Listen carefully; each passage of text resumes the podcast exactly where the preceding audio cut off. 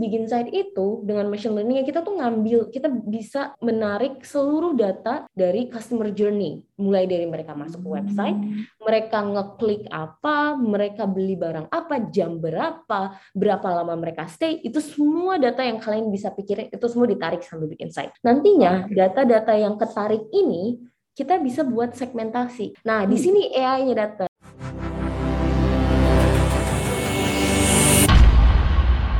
Gizmo Talk Podcast.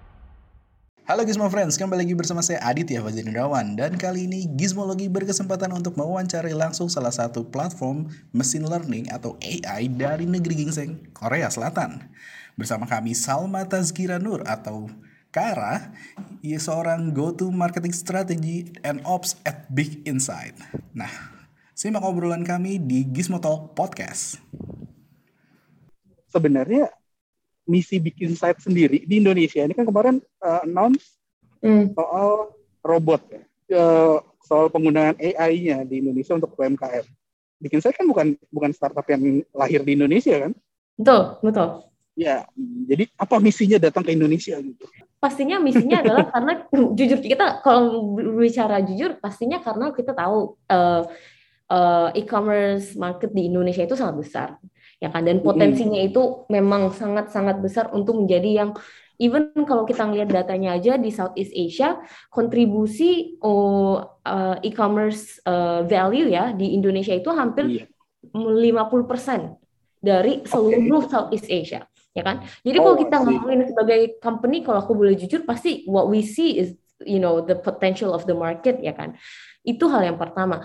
Cuman kita pastinya nggak ngelihat cuman di marketnya doang. Kita yang pengen lihat hmm. adalah culture-nya di situ kayak gimana gitu. Apa sih sebenarnya hmm. key point mereka yang lagi mereka cari? Ternyata waktu um, maksudnya ketika kita research lebih lanjut lagi, they're very interested in AI adoption. Kalau misalkan kamu hmm. ingat yang pernah yeah. share datanya, Iya, uh, cukup banyak ya. Uh, maksudnya AI cukup banyak digunakan untuk uh, menyaring data kan. Maksudnya apa yang dibeli, peminatnya Betul. apa aja gitu ya. Betul. Dan maksudku nggak cuman kayak eh, kalau kita ngeliat datanya dari yang aku share kemarin, kalau nggak salah sih sekitar 19% tuh mereka udah menjalankan gitu dengan namanya machine learning dan segala macam.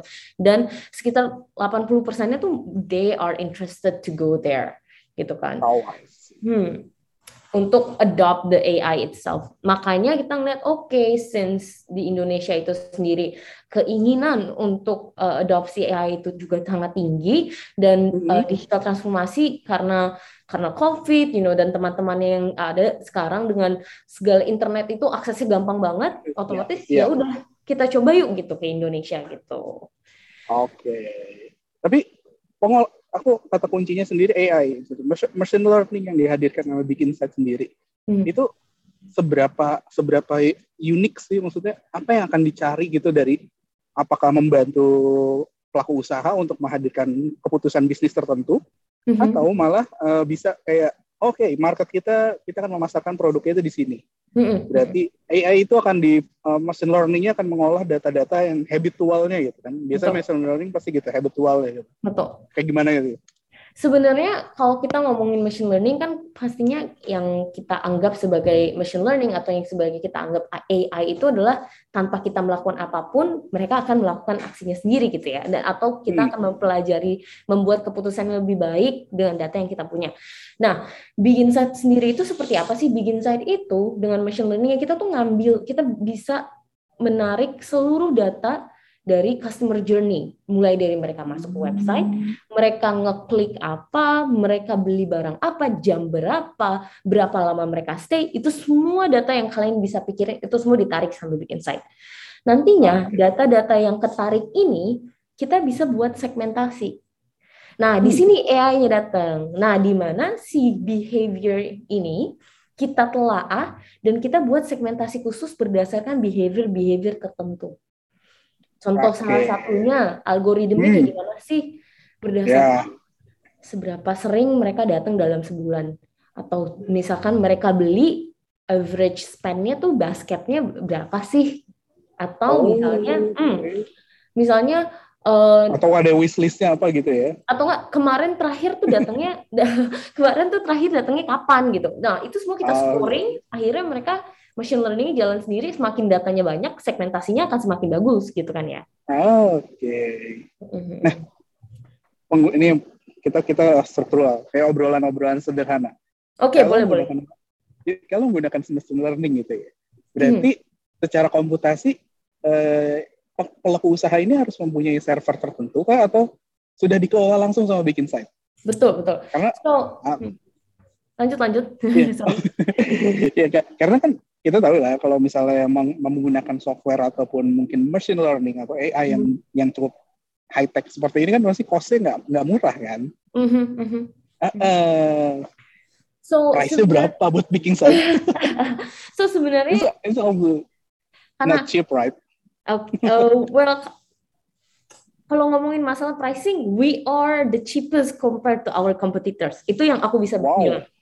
Oh, compare, wow. yes, compare to our competitors, we are the cheapest. Kenapa? Karena bikin site sendiri itu pun kita ngasih featuresnya yang emang essential aja, yang emang paling-paling dibutuhin gitu. Hmm, Kebanyakan kompetitor-kompetitor kita, oke, okay, their their features is amazing, tapi karena kebanyakan fiturnya, orang tuh bingung makanya gimana. Oh, especially okay. Dengan hmm. teknologi adoption yang di Indonesia ini kan nggak terlalu secepat itu ya maksudku kita ya, harus edukasi dan segala macam gitu supaya mereka eh, terutama pelaku pelaku bisnis UKM gitu ya kan itu edukasinya mesti kenceng. Nah kalau mereka dikasih jabarin langsung feature yang tuh tuh tuh yang banyak banget, oh gimana? Hmm. Pasti kebingungan sendiri gitu kan. Makanya ya. bikin saya kasih feature yang emang essential aja, makanya harganya pun bisa jadi yang termurah gitu. Wow. Bocoran berapa? Bocoran kisaran. jadi kalau kalau sekarang karena emang kita lagi pengen banget you know bangun untuk membantu Indonesia juga ya kan otomatis mm-hmm. kita tuh untuk UMK UMKM sendiri kalau MAU kalau kita bilang MAU itu monthly active user kalau kita mm-hmm. bisa bilang mungkin traffic kali ya trafficnya yeah. di bawah 200 ribu di website oh. mereka it's free beneran oh, wow seriously free. Under under dua ratus ribu MAU ya. ya, okay. dalam sebulan gitu ya. Tapi oh, wow. kalau mereka di atas dari dua ratus ribu, otomatis mereka harus ke paid plan kita di mana startingnya itu mulai dari 1.500 USD. Oh wow, oke, okay. masuk masuk akal, 1.500 masih masuk akal. Masih dan maksudku ini benar-benar kita kenapa ngasih free ini karena kita tahu those people kita harus educate gitu. Those people kita harus tarik dulu, hmm. cobain dulu, edukasi nantinya otomatis dan kita percaya our solution is good so they can grow with us. So once they grow with us, di situ mereka mulai berganti dengan si paid plan gitu. Oh. Oke, okay, tadi pertanyaanku uh, soal uh, kan bikin sendiri kan mengkurasi data berarti kan? Mm -hmm tadi juga aku sudah not, uh, notice di soal servernya. Nah, servernya hmm. itu sendiri di Indonesia kah? Atau oh. akan di, uh, di Bigisan sendiri kan Korea kan? Mm-hmm. Iya kan? Mm-hmm. Apa ntar jadi uh, berapa datanya itu di collect di Korea. Mm-hmm. It's, it's uh, secure, aman mm-hmm. sih? Oke. Okay. pertanyaan itu lucu kan? Itu pertanyaan penting banget ya kan. Security ya, hmm. otomatis kita is a uh, data company juga ya kan. Pastinya penting banget. Yang pertama yang aku bisa bilang adalah we work with AWS. Okay. We are partner up with AWS and we use AWS as our server. So of course, ketika kalian pakai AWS, mereka tuh udah juga compliance to GDPR. Kalau kamu hmm. tahu GDPR is the general data yes. dari GDPR. EU. Yes. Indonesia aja belum ya. Betul ya kan. Jadi kita emang sudah mencoba untuk compliance untuk GDPR itu sendiri. Uh, rencana kita juga sih untuk dapat sertifikasinya tahun depan gitu. Tapi sekarang karena kita juga udah pakai AWS, otomatis it's actually already compliant gitu, ngerti nggak? Cuman emang yeah. sertifikasinya aja yang belum keluar gitu sih. Hmm. Hmm. Oke, okay. tadi pelaku usaha udah, pricingnya udah, terus juga uh, apa? Security-nya juga, security-nya juga. Safe, Tapi, safe. Hmm. Hmm, it, it's safe gitu jamin. Tapi kan kita tahu ya Indonesia sendiri masih masih menggodok sendiri kan Betul. Uh, payung hukumnya belum ada. Gitu. Betul. Ada nggak sih beberapa yang pernah dialami sama Mbak Salma, uh, khususnya ketika memperkenalkan Big Insight ke pelaku UMKM, kan tadi kan edukasi kan soalnya tadi mm -hmm. Ada kekhawatiran seperti itu nggak sih? Nah, pelaku-pelaku usaha tuh kayak misalnya kayak hmm, uh, bukan startup Indonesia gitu kan. Mungkin Hmm. gitu ya. Ada sentimen-sentimennya gitu. Oh, sebenarnya sih uh, compare to like bukan startup Indonesia karena kebetulan kan waktu aku ketemu sama klien juga aku ngomong bahasa Indonesia. Jadi mereka even Hmm. though kita emang base-nya di Korea karena akunya pun representative as Indonesian, they feel more welcome jatuhnya gitu ya. Tapi yang Hmm. kedua juga sih sebenarnya kalau pertanyaan eh kan di Korea nggak bisa malah nggak beli malah kebalik. Ya. Karena kita Hmm. company based in South Korea, South Korea is perceived as an advance in technology. Mereka South Oke. Korea kan dilihat sebagai uh, country yang emang teknologi. Leading ya. Iya. Sudah mulai leading ya culture-nya. Jadi malah mereka lebih oh apa nih gitu, malah lebih penasaran Oke. So, daripada ah nggak mau ah gitu. Cuman dan kalau masalah dalam aku sih lebih pengen raising kalau di UM, UMKM sendiri untuk masalah data protection itu mereka masih kurang untuk Oke. awareness about that. Karena coba deh kamu pikirin aja, kalau misalkan aku baru buka brand, pasti yang aku pikirin gimana cara naikin sales, ya kan? Ya sudah Jadi- sudah langsung ditembak sama sales ya. Iya, daripada mikirin, eh gimana nih data gue biar safe, kan nggak gitu kan ya? Oke. Bener nggak sih? Hmm. Betul. Eh, makanya kalau di UMKM sendiri sih mereka lebih mikirinnya lebih ke sales nantinya ketika pas di mereka udah wing atau misalkan enterprises Mhm. baru deh pertanyaan yang pertama adalah data datanya safe nggak tuh sebenarnya ini juga sih yang harusnya kita raise ke eh, UMKM ya awareness terhadap first party datanya itu sendiri gitu Alright. Nah, lucu nih pertanyaan lucu. Ini mungkin data. Sudah berapa banyak UMKM yang dikelola sama Bikin Sen? oke I mean, secara secara uh, perkenalan mungkin baru baru kita baru berapa minggu yang lalu kan kita betul kita ketemu gitu dan Ya. eh, salah satu pelaku usahanya itu kalau nggak salah di bidang mainan gitu kan. ya So far berarti sudah ada berapa nih UMKM yang memanfaatkan infrastrukturnya Big Insight Iya. untuk menge- mengembangkan uh, usaha mereka. Sebenarnya kalau ditanya Data, datanya Oke, berapa? data-data ya. Sebenarnya kalau ditanya ranging, karena kan sebenarnya kita baru banget ya landing ke Indonesia, Hmm. bener-bener masih baru banget dan kita coba juga kayak reaching out here and there dan kita pengen sebenarnya pas kita reach out ke klien itu kita nggak mau cuman fokus oh UMKM aja, enggak. Kita pengen Oke. coba ranging UMKM, middle, enterprises karena kita mau tahu nih siapa sih yang paling butuh siapa sih yang paling tepat gitu ya kan ya. So we hear all the feedback. Kalau untuk masalah udah berapa sih company yang kita udah jalanin bareng di Indonesia? Kayaknya hampir udah 15 kali ya. 10 to 15 that we are trying to try Ya, before. Itu Hmm. di bidang apa aja tuh? 15. 15 Oh, kayak udah cukup besar. Sekarang kalau misalkan kebanyakan itu di fashion. Oh wow, jadi fashion Oh iya, masuk akal sih. Iya, karena kan fashion Ingat- paling banyak ya. Iya. Iya, karena kan kalau dibilang bicara Korea kan pasti fashionista di Indonesia cukup banyak. Ini aku ngomonginnya yang 10 sampai 15 ini di Jadi Indonesia mungkin- ya. Otomatis kalau di Korea, I mean, it's a Iya, different oke, case nggak gitu. apa-apa. Gitu. Oke, apa ya?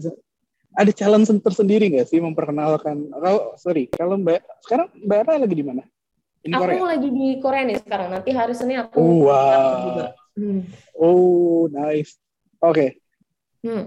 Kalau di, di eh, sebenarnya kalau di perusahaan startup ini bikin saya berarti startup aslinya Korea berarti. Betul. Hmm. Mereka melihat Indonesia itu pasarnya seperti apa sih ketika melahir melihat oh Indonesia marketnya besar de- dengan karena pengguna eh, netizennya banyak gitu aktif Mm, atau, atau apa sih kenapa, kenapa tiba-tiba memilih Indonesia? First impression berarti ya nanyanya kali. Hmm. Hmm. Hmm, iya. Sebenarnya kalau tentang first impression pertama pasti wah gila marketnya gede banget nih gitu kan. Itu itu Hmm. first impression udah pasti pertama. Eh yang kedua kalau misalkan pertanyaan kamu adalah challenge, challenge-nya apa sih ke Indonesia gitu ya? Hmm. Iya. Challenge terbesarnya tuh sebenarnya ada dua. Yang pertama Oke. the culture of uh, the market itself di Indonesia itu mereka kebanyakan brands masih dependent sama open market kayak Shopee. Oh. Tokopedia. oke. Jadi mereka masih memanfaatkan marketplace gitu ya. Betul. Kalau mereka Jadi kayak memanfaatkan misalnya Yap. eh, mereka nyebut eh uh, digitalisasi UMKM ya udah buka toko online gitu aja ya berarti betul betul hmm. nah kalau mereka menggunakan uh, open market maksudnya aku mengerti sih karena emang culture-nya seperti itu dan dengan open market di open market itu kan berarti uh, biaya akuisisi customer-nya rendah ya karena exposure-nya langsung besar gitu ya. Tapi sayangnya kalau misalkan di open market itu kalian nggak dapat data kalian sendiri. Hmm, Yang kalian tahu hanya data transaction. Kalian nggak tahu nih sebenarnya maksudnya journey-nya si customer tuh gimana sih sebenarnya? Atau enggak produk apa sih sebenarnya yang diminatin tapi nggak dibeli? Atau seperti hal-hal seperti itu kan sebenarnya penting ya? Gitu. Terus oh, gitu. Mm-hmm. mungkin yang kedua uh, culture-nya dan yang kedua itu tadi aku bilang apa ya? Challenge-nya adalah oh habitnya uh, habit Indonesia kayak apa apa habitnya Indonesia gitu netizen yang yang aktifnya malah di netizen bukan bukan di infrastruktur webnya gitu kan. Karena platform kayak mereka masih terfokus sama sosial media kan gitu kan.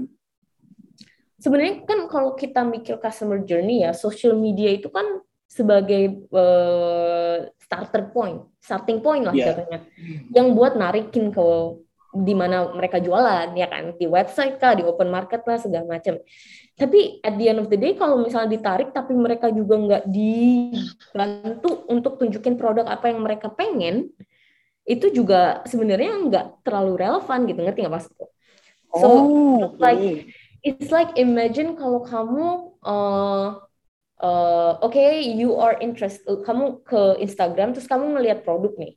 Terus kamu interested for that product kamu klik terus kamu landing tapi habis itu kayak ya udah ditinggalin aja sendirian ya kan hmm. muter-muter sendiri hmm. nyari-nyari sendiri yeah, yeah. gitu kan ya sedangkan kalau di kita itu that it, jatuhnya kayak gimana ya kayak sayang aja kan harusnya digendong lagi nih dibawa dioyomi lagi eh nunjukin ini oh, nunjukin ini yeah. gitu ya kan supaya okay. journey-nya itu akan jadi seamless lah jatuhnya oh jadi kayak menggiring menggiring apa uh, bikin set lebih lebih akan memetakan jalurnya ya berarti ya? Bisa betul. Gitu. Hmm, jadi misalnya kayak kayak kayak kamu udah masuk kamu ngeklik ngekliknya mobil-mobilan gitu ya. Masuk lewat Instagram hmm. ngeklik mobil-mobilan. Terus kan landing hmm. ya di page si mobil-mobilan yang kamu lihat tadi gitu kan. Terus kamu landing di situ kamu udah muter-muter atau ngelihat produk lain abis itu nanti tiba-tiba ada pop up eh nih mobil-mobilan yang kamu lihat kamu bisa dapat diskon 30 ribu loh kalau kamu sign up. Tapi image-nya oh. itu adalah image sih mobil-mobilan yang kamu lihat ngerti nggak maksudku? Ya kan? Yeah, jadi orang kan akan akan lebih lebih oh itu mobil-mobilan yang gue pengen beli nih. Oh boleh deh sign up deh biar bisa beli mobil-mobilan gitu. Oh. daripada cuman kayak eh sign up dapat 30 ribu diskon. Oke jadi jadi ada utility-nya ya tujuan utility-nya ya lebih terpersonalisasi ya jatuhnya pastinya. Personalisasi, oke. Okay. Oke, okay, fashion. Hmm, menarik sih ya. Pencarian paling unik apa ya yang dikumpul udah pernah dikurasi sama bikin site? Pencarian paling unik di mana? Di Indonesia? Iya, di Indonesia. Oh. I, I think gitu. I think sebagai perusahaan yang uh, mengelola data, mengkurasi data bikin site itu punya punya sistem yang pasti dia dia akan membaca semua habitual tadi kan kita mm-hmm. habitualnya. Terus tadi sudah customer journey-nya. Nah kalau kalau dikategorikan sebagai brand fashion bisa dibagi nggak? Misalnya berapa banyak uh, akan uh, sorry pelaku uh, usaha akan tahu nggak sih berapa pasarnya siapa aja? Misalnya uh, pembeli perempuan usia sekian sekian atau pembeli cowok usia sekian sekian itu karena aku ingat yang kemarin disampaikan sama di apa iCra itu kan mereka mm-hmm. akan mengkurasi data berdasarkan us genre, usia dan kemudian apa yang diinginkan gitu ya. Betul. Apa yang Betul. paling unik yang pernah ditemukan sama Big Insight dari dari kurasi jadi? Yang unik, uh, hmm, apa ya yang nah. paling unik? Sebenarnya sih bukan masalah oh, unik kali ya, mungkin itu lebih benar-benar kayak sebenarnya kita juga ada namanya trend report di mana okay kita ngel kita bikin report berdasarkan karena kan kan di Korea itu kan kita udah uh, klien portfolionya udah banyak ya Nah, kita hmm. bikin industri kayak in fashion, in beauty, sama in uh, furniture kalau nggak salah kita ada. Kalau okay. misal, ya, kalau misalnya uh, kalau nggak salah ya, kalau kita ngebandingin si furniture, industri di furniture, sama industri di uh, let's say makeup, let's say. Kebanyakan okay kalau industri di furniture itu ketika si orang ini udah sampai add to cart, mereka udah sampai klik add to cart, presentase hmm. untuk mereka sampai membeli itu lebih tinggi dibandingkan dengan industri di makeup. Oh, Tidak wow. Kenapa? Betul. Uh -huh. Kenapa begitu? Karena orang-orang yang biasanya di let's say di furniture ya, mereka lagi nyari furniture, sampai mereka klik add to cart itu mereka mikirnya udah banyak, banyak lama sampai akhirnya add to cart pasti biasanya mereka check out. Tapi kalau di makeup, langsung check out ya? Ya, kalau di makeup orang-orang harganya pun nggak begitu tinggi, ya udah gampang aja akhirnya add to cart, add to cart, add to cart, tapi ujung-ujungnya nggak beli. Ya. Ya ampun, kasih. Berarti So contoh-contohnya ya data-datanya seperti itu banyak ya kita penemuan-penemuan itu. Hmm.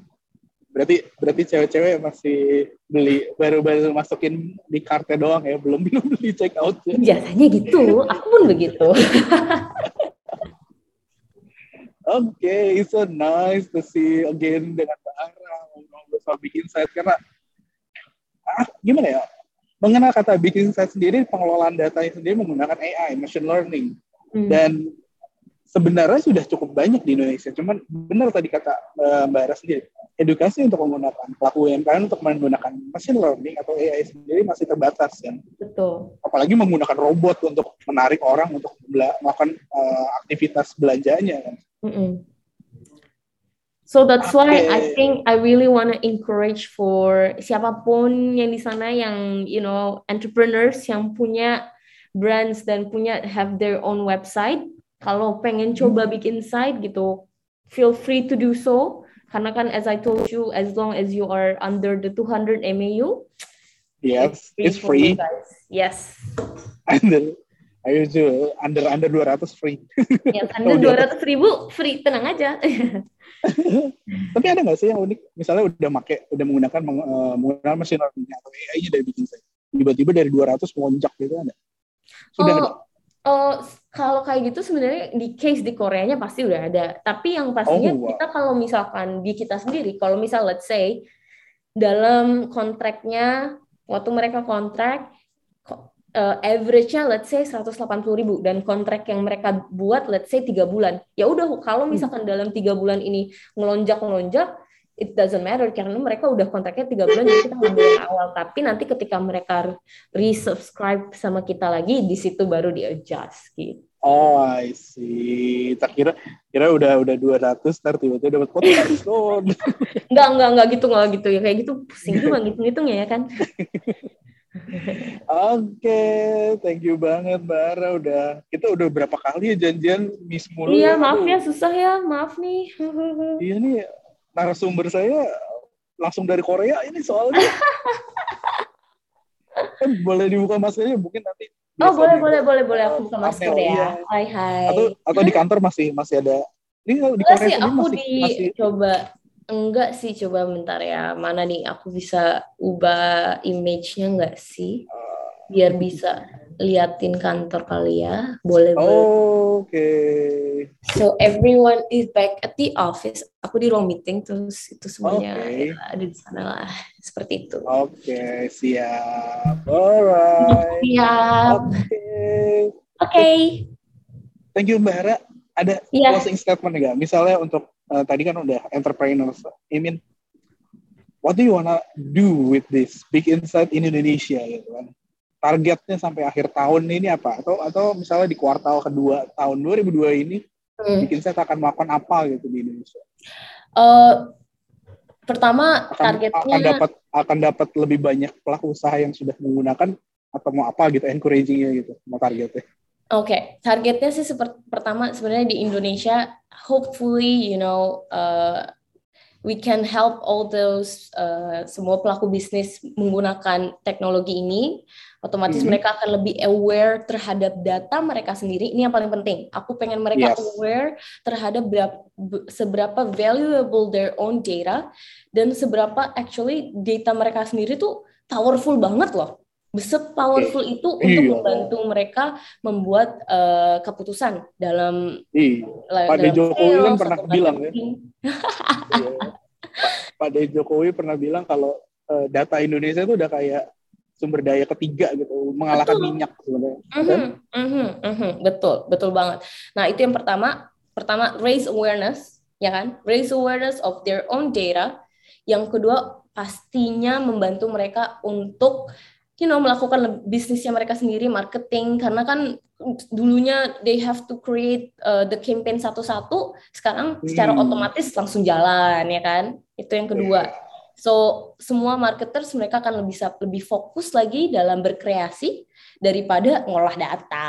Atau misalkan nyari-nyari apa nih udah, gimana ya ke depannya? Udah udah udah dipermudah sama robotnya ya. Udah ada dipermudah so, sama robotnya. Nah, bikin insight ya udahlah tinggal tinggal jalanin aja kan Betul. And then hopefully yang terakhir, you know, we make an office di Jakarta itu sih. Hopefully. Oke, okay, I will waiting biar kita bisa ngobrol-ngobrol lagi. Iya pastinya. Sip sip. Oke, okay, siap. Terima kasih udah ngobrol-ngobrol di Gizmo Talk Podcast. Ini kita Zoom meeting dari jarak jauh, bahkan di dua lokasi yang berbeda. Betul. Ya saya lagi di perjalanan, terus Mbak Aranya lagi di Korea, gitu kan. Jadi ya, jangan lupa kunjungi di Gizmologi dan dengerin di Gizmo Talk Podcast. Oke, okay, terima kasih. Bye-bye, Mbak Thank you. Bye. Bye.